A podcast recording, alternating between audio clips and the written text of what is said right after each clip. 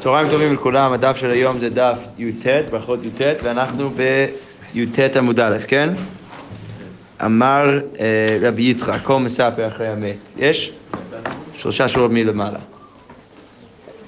אוקיי, אז הגמרא אומרת ככה, אמר רבי יצחק, כל המספר אחרי המת כאילו מספר אחרי האבן. אז מישהו שמספר לשון הרע או משהו, הוא, הוא אומר איזה משהו רע על המת, אז בסדר גמור, זה כאילו אתה מספר אה, לשון הרע על מישהו מאחורי האבן, שהבן אדם הזה לא ישמע ואתה גם לא מספר את זה למישהו אחר, אז זה כאילו בסדר גמור.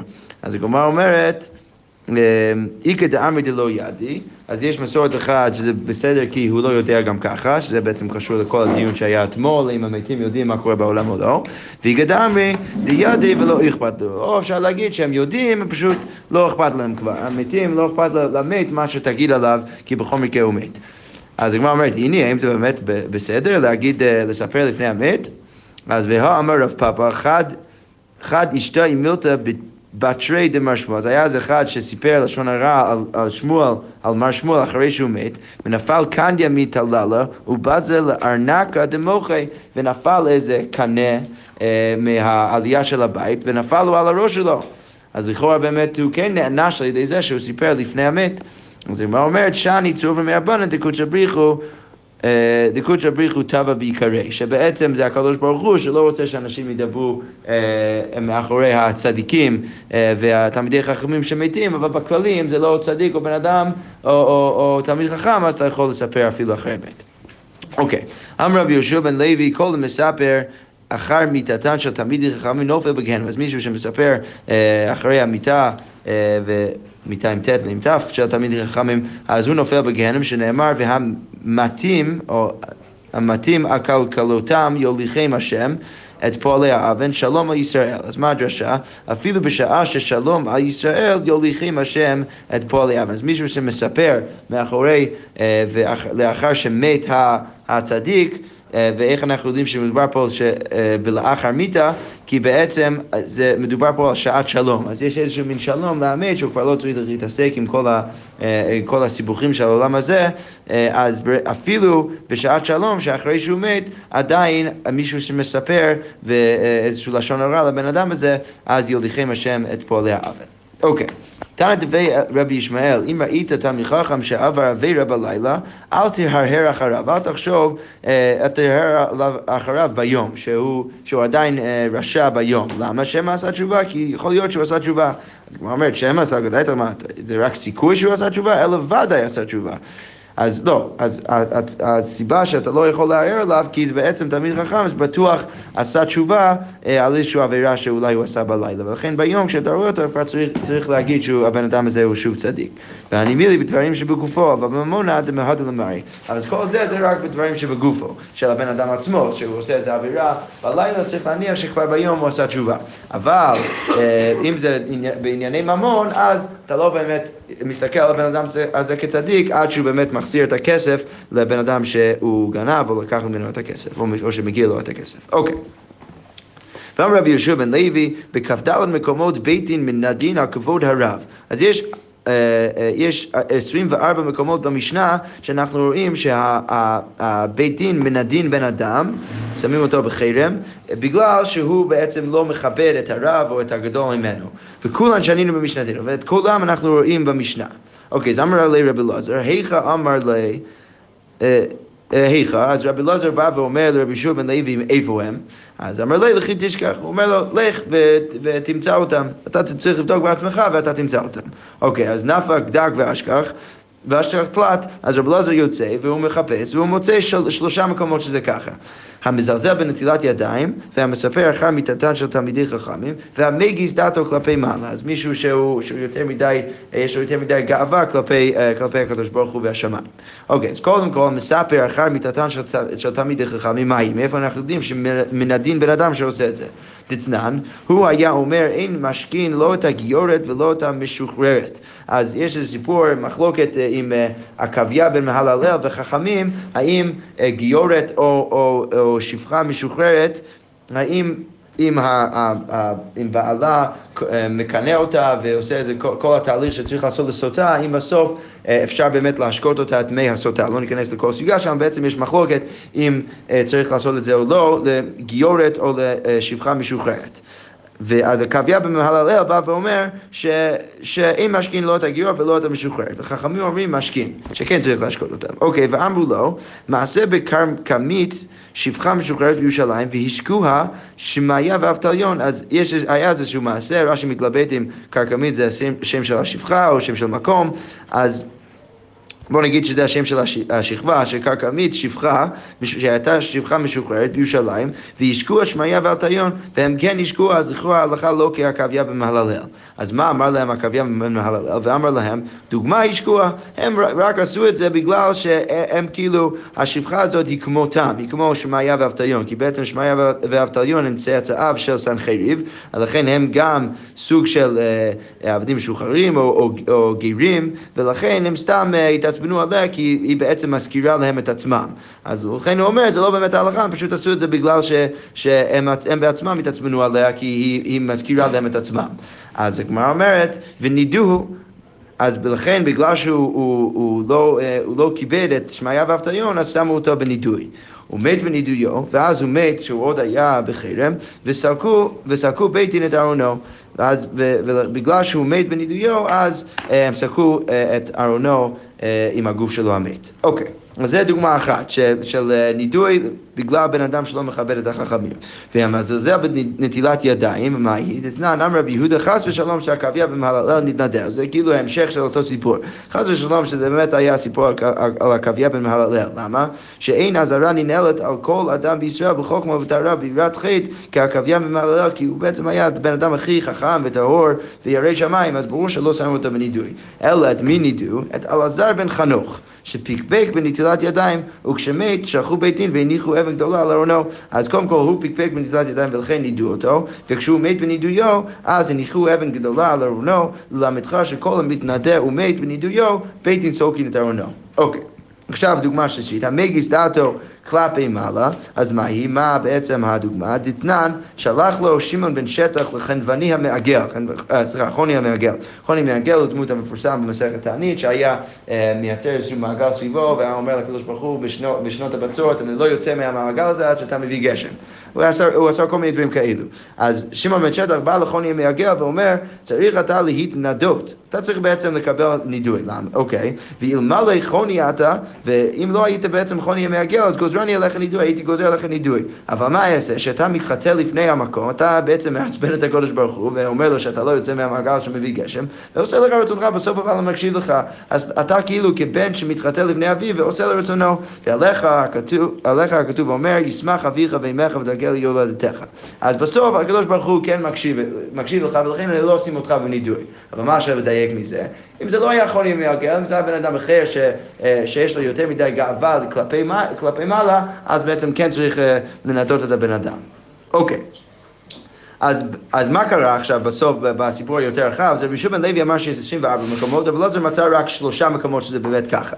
אז הגמרא שואל קודם כל, ותו לקה, מה אין עוד מקורות ב, ב, במקורות התנאיים שבו, שבהם uh, מישהו, שם, שם, שמו מישהו בנידוי, והאיכא, אבל יש עוד מקרה, דתני רב יוסף, תודוס איש רומי הנהיג את בני רומי להאכילן גדיים מקולסים ולילי פסחים.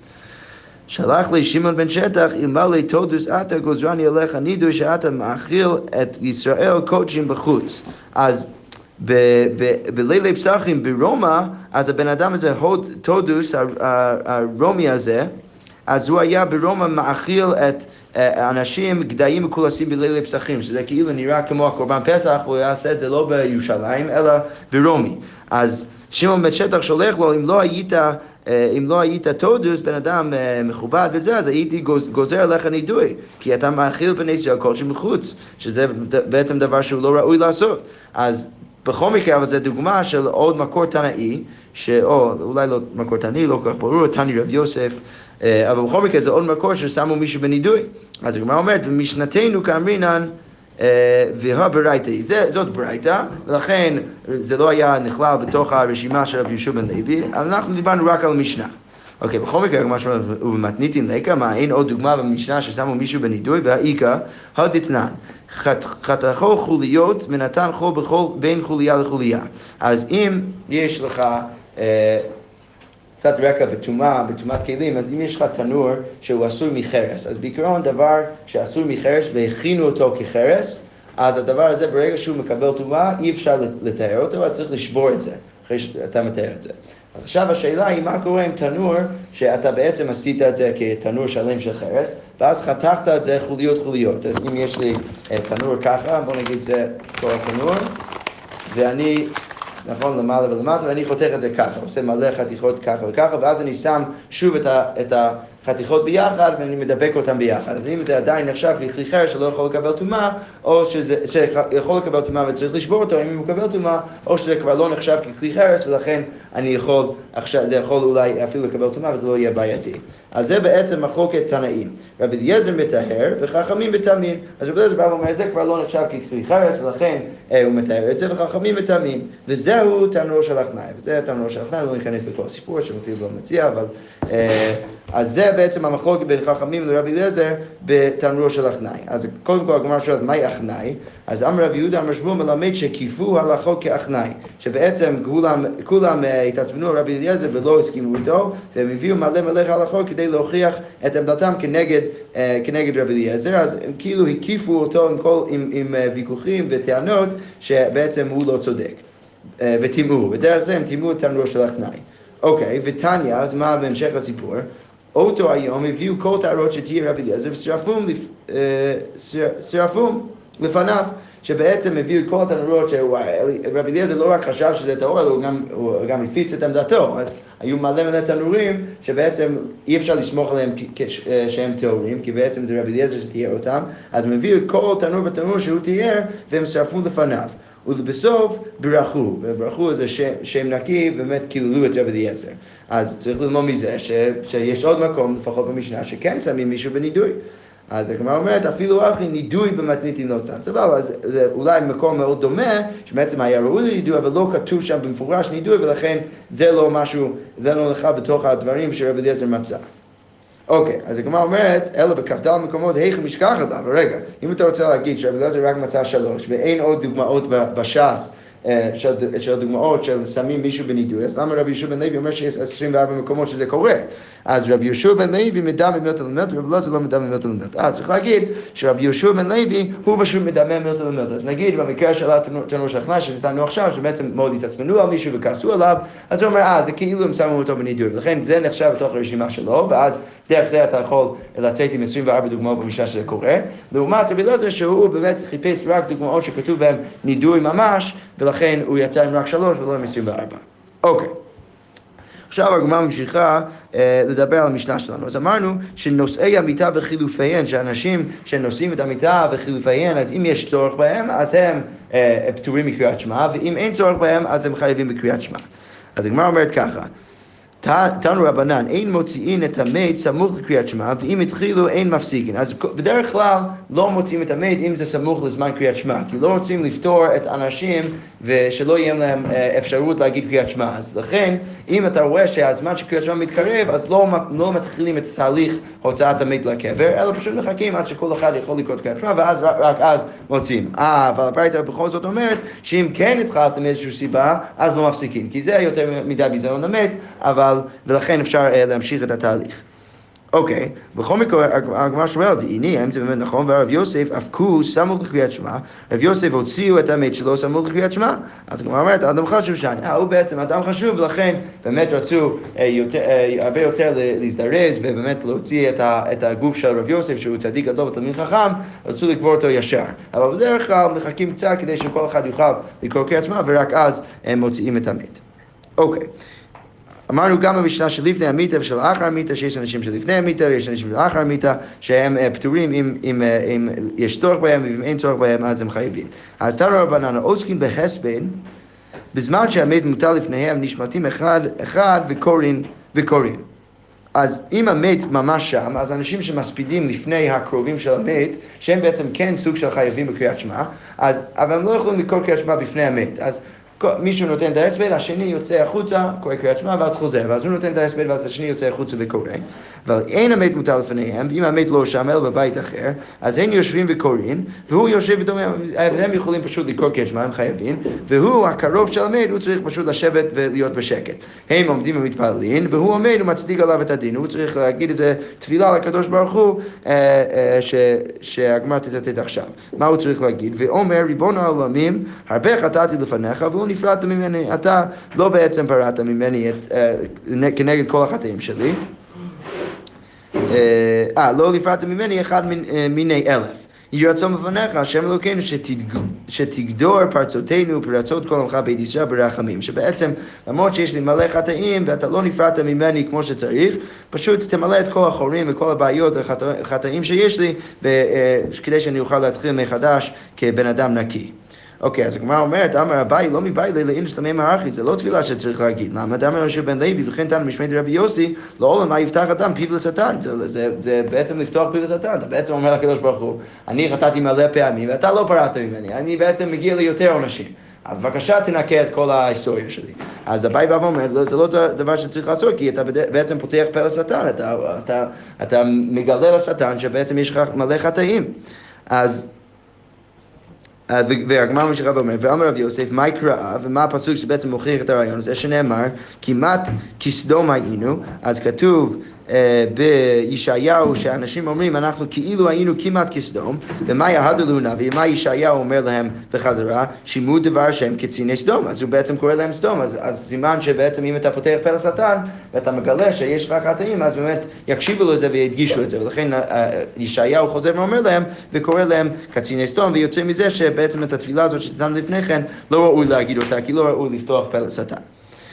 אוקיי, עכשיו הגמרא שוב אה, מצטטת את המשנה שאמרנו קברו את המת וחזרו. אז אם אמרנו שאם הם קברו את המת וחזרו, אם יש להם זמן לקרוא קריאת שמע, להתחיל לקרוא קריאת שמע, אז הם צריכים להתחיל לקרוא, ואם אין להם זמן עד שהקרובים יגיעו שוב לשורה, אז הם לא קוראים. אז הגמרא אומרת, אם יכולים להתחיל ולגמור את כולה אין, אבל פרק אחד או פסוק אחד לא, אז משמע במשנה שזה רק אם יש להם זמן באמת לקרוא את הכל. אז הם מתחילים לפני שהקרובים של המת חוזרים מה, מהקבר, אבל אם אין להם זמן לסיים את הכל, אלא רק לסיים פרשה אחת או פסוק אחד, אז הם לא עושים את זה. אה, זה בא בניגוד לברייתא הבאה, ורמינו, קברו את המת וחזרו. אם יכולים להתחיל ולגמור, אפילו פרק אחד או פסוק אחד, אפילו פרק אחד לפסוק אחד, אז משמע מהברייתא שאפילו אם יש להם זמן רק לפרק אחד לפסוק אחד, אז הם צריכים להגיד את זה, שזה בעצם סותר את המשנה שלנו, או את הדיוק מהמשנה שלנו.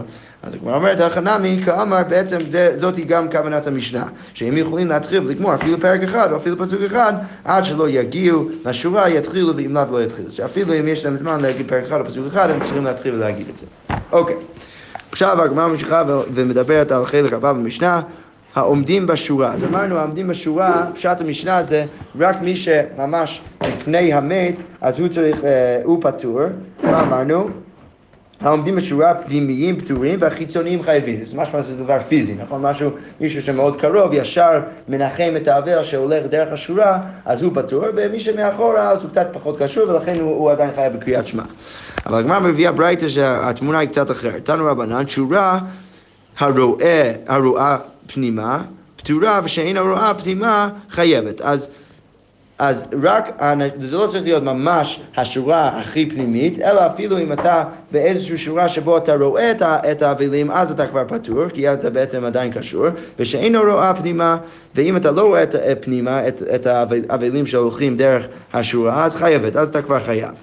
אוקיי, ורבי יהודה אומר, הבאים מחמת אבל פטורים, מחמת עצמן חייבים. אז אנשים שממש ממש קשורים לאבל, זה לא קשור למיקום הפיזי שלך בשורה, אם אתה קשור לאבל, אתה באת לנחם את האבל, אז בעצם אתה חייב, ואם אתה באת אה, אה, מחמת עצמך, רש"י, רש"י כותב פה, ולא מחמת כבוד, ולא מחמת כבוד, שלא באו לנחם, אלא לראות את המאורע. פשוט שמעת שיש איזה משהו שקורה בשכונה, ולכן באת קצת אה, אה, לתמוך בזה, אז אתה כבר חייב. אוקיי, אז אמר רב יהודה אמר רב המוצא כלאיים בבגדו, פושטן אפילו בשוק. אז מישהו שמוצא כלאיים, שבעצם אה, איסור תורה ללבוש בגד עם כלאיים, אם אתה מוצא את זה בבגד שלך, אתה צריך להפשיט את הבגד אפילו כשאתה בשוק. מה הייתה? אין חוכמה ואין תבונה ואין עצה נגד השם. למרות שזה דבר שאולי לא כל כך מכובד, שאתה מוריד את הבגד בשוק, בכל מקרה אין עצה ואין אין חוכמה ואין תבונה ואין עצה נגד השם. ברגע שאתה מחלל את השם, אז לא משנה מה, מה שקורה אה, אה, לגבי כבוד הבריות, בעצם אה, לעבור על איסור תורה זה, זה אה, מנצח את כבוד הבריות. אז, ולכן הגמרא אומרת, כל מקום שיש חילול השם, אין חולקין כבוד לרב. אוקיי, אז, הגמרא אומרת, מתי, והאם זה באמת נכון שבכל מקום שיש, אה, שיש חילול השם, אז אין דבר כזה כבוד לבריות או כבוד לאנשים אחרים? אז קברו את המת וחזרו, ולפניהם שתי דרכים. אז מה קורה אם קברו את המת ועכשיו הם חוזרים, בדרך חזרה עם, עם המשפחה? אז, ויש שתי דרכים, אחת טהורה ואחת טמאה. בא בטהורה, אם האבל אה, הולך בשביל הטהור, אז באין עמו בטהורה, אז כל אחד שבעצם מגיע והולך איתו ובעצם מנחם אותו, אז הם צריכים ללכת איתו. וגם אם בא בטמאה, באין עמו, בטמאה, ואפילו אם הוא בא בטמאה, עדיין צריך ללכת איתו בטמאה, אז לכאורה זה, אה, זה בניגוד למה שאמרנו עכשיו, כי בעיקרון יותר לכתחילה שבן אדם ילך במקום הטהור ולא במקום הטמא, ופה אנחנו רואים שכבוד הבריות, כבוד האבל שבעצם צריך לנחם אותו, זה עדיין, זה מנצח ובעצם אה, גורם לכל שאר האנשים להצטרך ללכת איתו גם בשביל הטמא. אז משום כבודו, הברייתא אומרת. אז, אז הגמרא אומרת, עמאי, למה אין חוכמה ואין תבונה לנגד השם? אז הגמרא אומרת, תרגמה רבי אבא בבית הפרס דרבנן. אז שם מדובר לא באמת בשביל שהוא באמת טמא, אלא זה סתם בית הפרס דרבנן. שבית הפרס זה בעצם מקום שהיה שם קבר מתישהו, ואז חרשו את זה, וכבר לא ברור איפה, איפה כל כך הקבר, ולכן הטומאה שם זה רק מדרבנן, ולכן זה בסדר, וללכת שם בטומאה דרבנן זה בעצם כן יותר... אה, פחות חשוב מאשר באמת ללכת עם הבן אדם ולתמוך בו ולנחם אותו. דאמר רב יהודה אמר שמואל, מנפח אדם בית הפרש, שאתה יכול אפילו לנפח ודרך זה להוציא את כל ה... אם יש עצמות שם, להוציא הכל מלפניך והולך, אתה יכול פשוט ללכת אה, בבית הפרס. ואמר רב יהודה בר, בר אשי משמי דרב, בית הפרס שנידש טהור. שבעצם יש כל מיני עמדות שבעצם אתה פחות צריך לחשוש לבית הפרס, ולכן שם בדוגמה כזאת זה לא דוגמה שבו כבוד הבריות בעצם דוחה את את אה, חילול השם, אלא פשוט אה, זה, זה, זה חילול השם מאוד מאוד לא חמור, כי זה רק בית הפרש, ולכן כבוד הבריות דוחה את זה, אבל בכללי אנחנו כן עדיין נמצאים בתמונה שכבוד הבריות אינו דוחה חילול השם, וחילול השם בעצם יותר חשוב. אוקיי, שוב הגמרא אבל מביאה עוד ראייה. תשמע, דאמר רב אלעזר בר צדוק, מדלגין היינו על גבי ארונות של מתים לקראת מלכי ישראל. אז כשהמלך ישראל היה מגיע, אז אנחנו היינו הולכים אה, חופשי, אפילו הכהנים, היינו הולכים חופשיים בבית הקברות ומדלגים וקופצים מעל הארונות של המתים, שלכאורה זה בעייתי, בעייתי כי אתה, אם אתה כהן אז אתה מקבל טומאה דרך זה. והיינו עושים את זה לקראת מלכי ישראל, ולא לקראת מלכי ישראל בלבד, אמרו, אלא אפילו לקראת מלכי עכו"ם, אפילו לקראת מלכי עכו"ם היינו עושים את זה, למה? שאם יזכה יבחין בין מלכי ישראל למלכי עכו"ם, כי גם, גם, גם אותם חשוב לראות, כדי שאם אתה תראה גם מלך ישראל, אז אתה תוכל להבחין ולהבין כמה יותר חשוב המלך ישראל מאשר מלכי עכו"ם. בכל מקרה, אנחנו רואים שדבר, שאיזשהו דבר חשוב לכבד את המלך שמגיע, זה בעצם אה, דוחה את, ה, את ההלכה ואת החילול השם של כהן שמטמא. אז הגמרא אומרת, עמי, למה אין חוכמה ואין תבונה ואין עצה נגד השם? אז הגמרא אומרת, כדרבה. אה, בעצם, אה, למה הם עשו את זה? כי הם סמכו על העמדה של רבא. דאמר רבא, דברי תורה, אוהל, כל שיש בו חלל טפח, חוצץ בפני הטומאה, ושאין בו חלל טפח, אינו חוצץ בפני הטומאה. אז שבעצם... דברי תורה, מדאורייתא אתה לא באמת צריך לחשוש לקבר משום טומאה. למה? כי אם יש בן אדם ששוכב בתוך הארון שלו, בקבר, יש את הקבר שבעצם מאהיל עליו, אז כל עוד יש טפח בין הבן אדם והארון עצמו, אז יוצא שהארון הוא כאילו האוהל שמאהיל על המת, והטומאה אינו, וזה חוצץ בפני הטומאה, טומאה אינו עולה אה, למעלה מהאוהל הזה. אז הם בעצם סמכו על דברי רבא, אמרו בסוף זה רק מדרבנן הטומאה פה, כי בסוף אם אתה סומך על דברי רבא אין טומאה דאורייתא, כי יש, יש לכאורה טפח בין כל מת והארון שלו, ולכן כשהם הלכו בבית הקברות הם רק הפכו להיות טמאים רק מדרבנן, ולכן זה לא היה כל כך, בעיה כל כך חמורה, ולכן הם הבינו שיותר חשוב ללכת לקראת המלך שמגיע אה, במקום לא לטמא מדרבנן. והגמרא ממשיכה ואומרת, ורוב הארונות יש בהם חלל טפח, וגזרו על שיש בהם משום, על שיש בהם משום שאין בהם, משום כבוד מלאכים לא גזרו ברענן. אז בעצם, כמו שאמרתי, פשוט הגזירה על הארון זה, זה רק בגלל שיש אולי חל, קצת מהם שאין בהם טפח, שאין בהם טפח בין המת לבין האוהל, אבל בגדול לא צריך, לא צריך לחשוש את זה, אלא צריך לחשוש רק מדרבנן, ובמקום כבוד המלך שמגיע, אז דחו את הטומאה מדרבנן אה, מפני כבוד המלך. אוקיי. תשמע גדול כבוד הבריות שדוחה את לא תעשה שבתורה. אז כבוד הבריות דוחה את לא תעשה שבתורה. אז הגמרא אומרת, ועמי, למה אין חוכמה ואין תבונה ואין עצה לנגד השם? אז הרי אנחנו כל הזמן מנסים לפתח איזשהו רעיון שחילול השם זה יותר חשוב אה, מכבוד הבריות, ופה יש לנו ברייתא שאומרת שגדול כבוד הבריות שדוחה לא תעשה שבתורה. שנייה, מה ההקשר?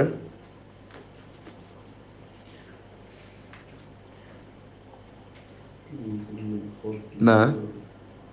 אה, טוב, אוקיי, לא כל כך ברור מה, ההקשר, רש"י לא מדבר על זה. אוקיי, אז בואו נמשיך. אז, אז בכל מקרה זה סותר את הרעיון שלנו. אז רב בר שיבה קמי דרב כהנא בלאו דלא תסור. אז רב בר שיבה בא ואומר, שמה מדובר רק בלאו דלא תסור. שבעצם כבוד הבריות דוחה לא תעשה מדי רבנן, שכתוב בפסוק אה, ש, שאסור לסור מה... להסיר מדברי חכמים, אז הוא בעצם בא ואומר שהברייתא שאומר גדול כבוד הבריות שדוחה את לא תעשה, זה לא תעשה שבתורה, אלא זה לא תעשה מדרבנן. אה, ולכן אפשר אה, לדחות את הלא תעשה הזה דרך אה, כבוד הבריות, אבל בדרך כלל עם איסור דאורייתא אתה לא יכול, כבוד הבריות לא דוחה איסור דאורייתא. אז הגמרא אומרת, אחיכו עלי לאו דלא תאסור דאורייתי. אז כל, כל אחד צחקו עליו, אתה רוצה להגיד שמדובר שם רק בעליו דלא תאסור, שזה בעצם הלאו של אה, להסיר את, את עצמך מדברי חכמים, שזה רק מדרבנן, איך אתה יכול להגיד את זה? אתה הרי בעצמך, אתה ציטטת את הפסוק, אתה ציטטת אה, לא תאסור, שזה בעצם משהו שכתוב בפסוק, לכן זה איסור דאורייתא. אז אם, גם ככה, אם אתה רוצה להגיד ככה, אז יוצא שבכל מקרה, הברייתא אומרת, גדול כבוד הבריות שדוחת לא תעשה שבתורה, משהו מדאורייתא היא, אז לא בעצם, אה, לא הביא הבאת אה, אישור דרבנן, שדרך זה אתה רצית לפרש את הברייתא. אז הגמרא אומרת, אמר רב כהנא, גברא רבא אמר מילתא לא תכריחו לי. בעצם הרב שבא הזה הוא, אה, הוא בעצם בן אדם גדול, אז אל תצחקו עליו, כי באמת יש לו כוונה טובה. כל מילי דרבנן, אסמכינו עליו דלא תסור משום כבודו של אה, שרו רבנן. אז מה הוא בעצם מתכוון להגיד? כתוב בפסוק להביא, איפה הפסוק באמת? על פי התורה אשר ירוך במשפט אשר אמרו לך תעשה, לא תעשו מן הדבר אשר יגידו לך ימין ושמאל. אז הוא בעצם ציטט פסוק לדבר על איסור אה, דרבנן, נכון? אתה, כל, כל, אחד צחקו עליו ואמרו, אתה הרי הבאת גם איסור דאורייתא, שאמרת שכבוד הבריות דוחה את הפסוק הזה. אז הוא בא ואומר, מה הכוונה שלו? באמת הכוונה זה שכל איסור דרבנן, הם, הם סמכו את זה על הפסוק הזה, אבל לא ממש דאורייתא. הם פשוט סמכו את זה על הפסוק, אבל בגדול, ברגע שמגיע כבוד הבריות, אז רבנן נתנו לנו את האפשרות להגיד ש, אה, שכבוד הבריות בעצם דוחה, אה, בעצם דוחה את הרעיון הזה. של איסור דרבנן, אפילו למרות שיש לו סמך מדאורייתא. טוב, נעצור כאן. שקוי.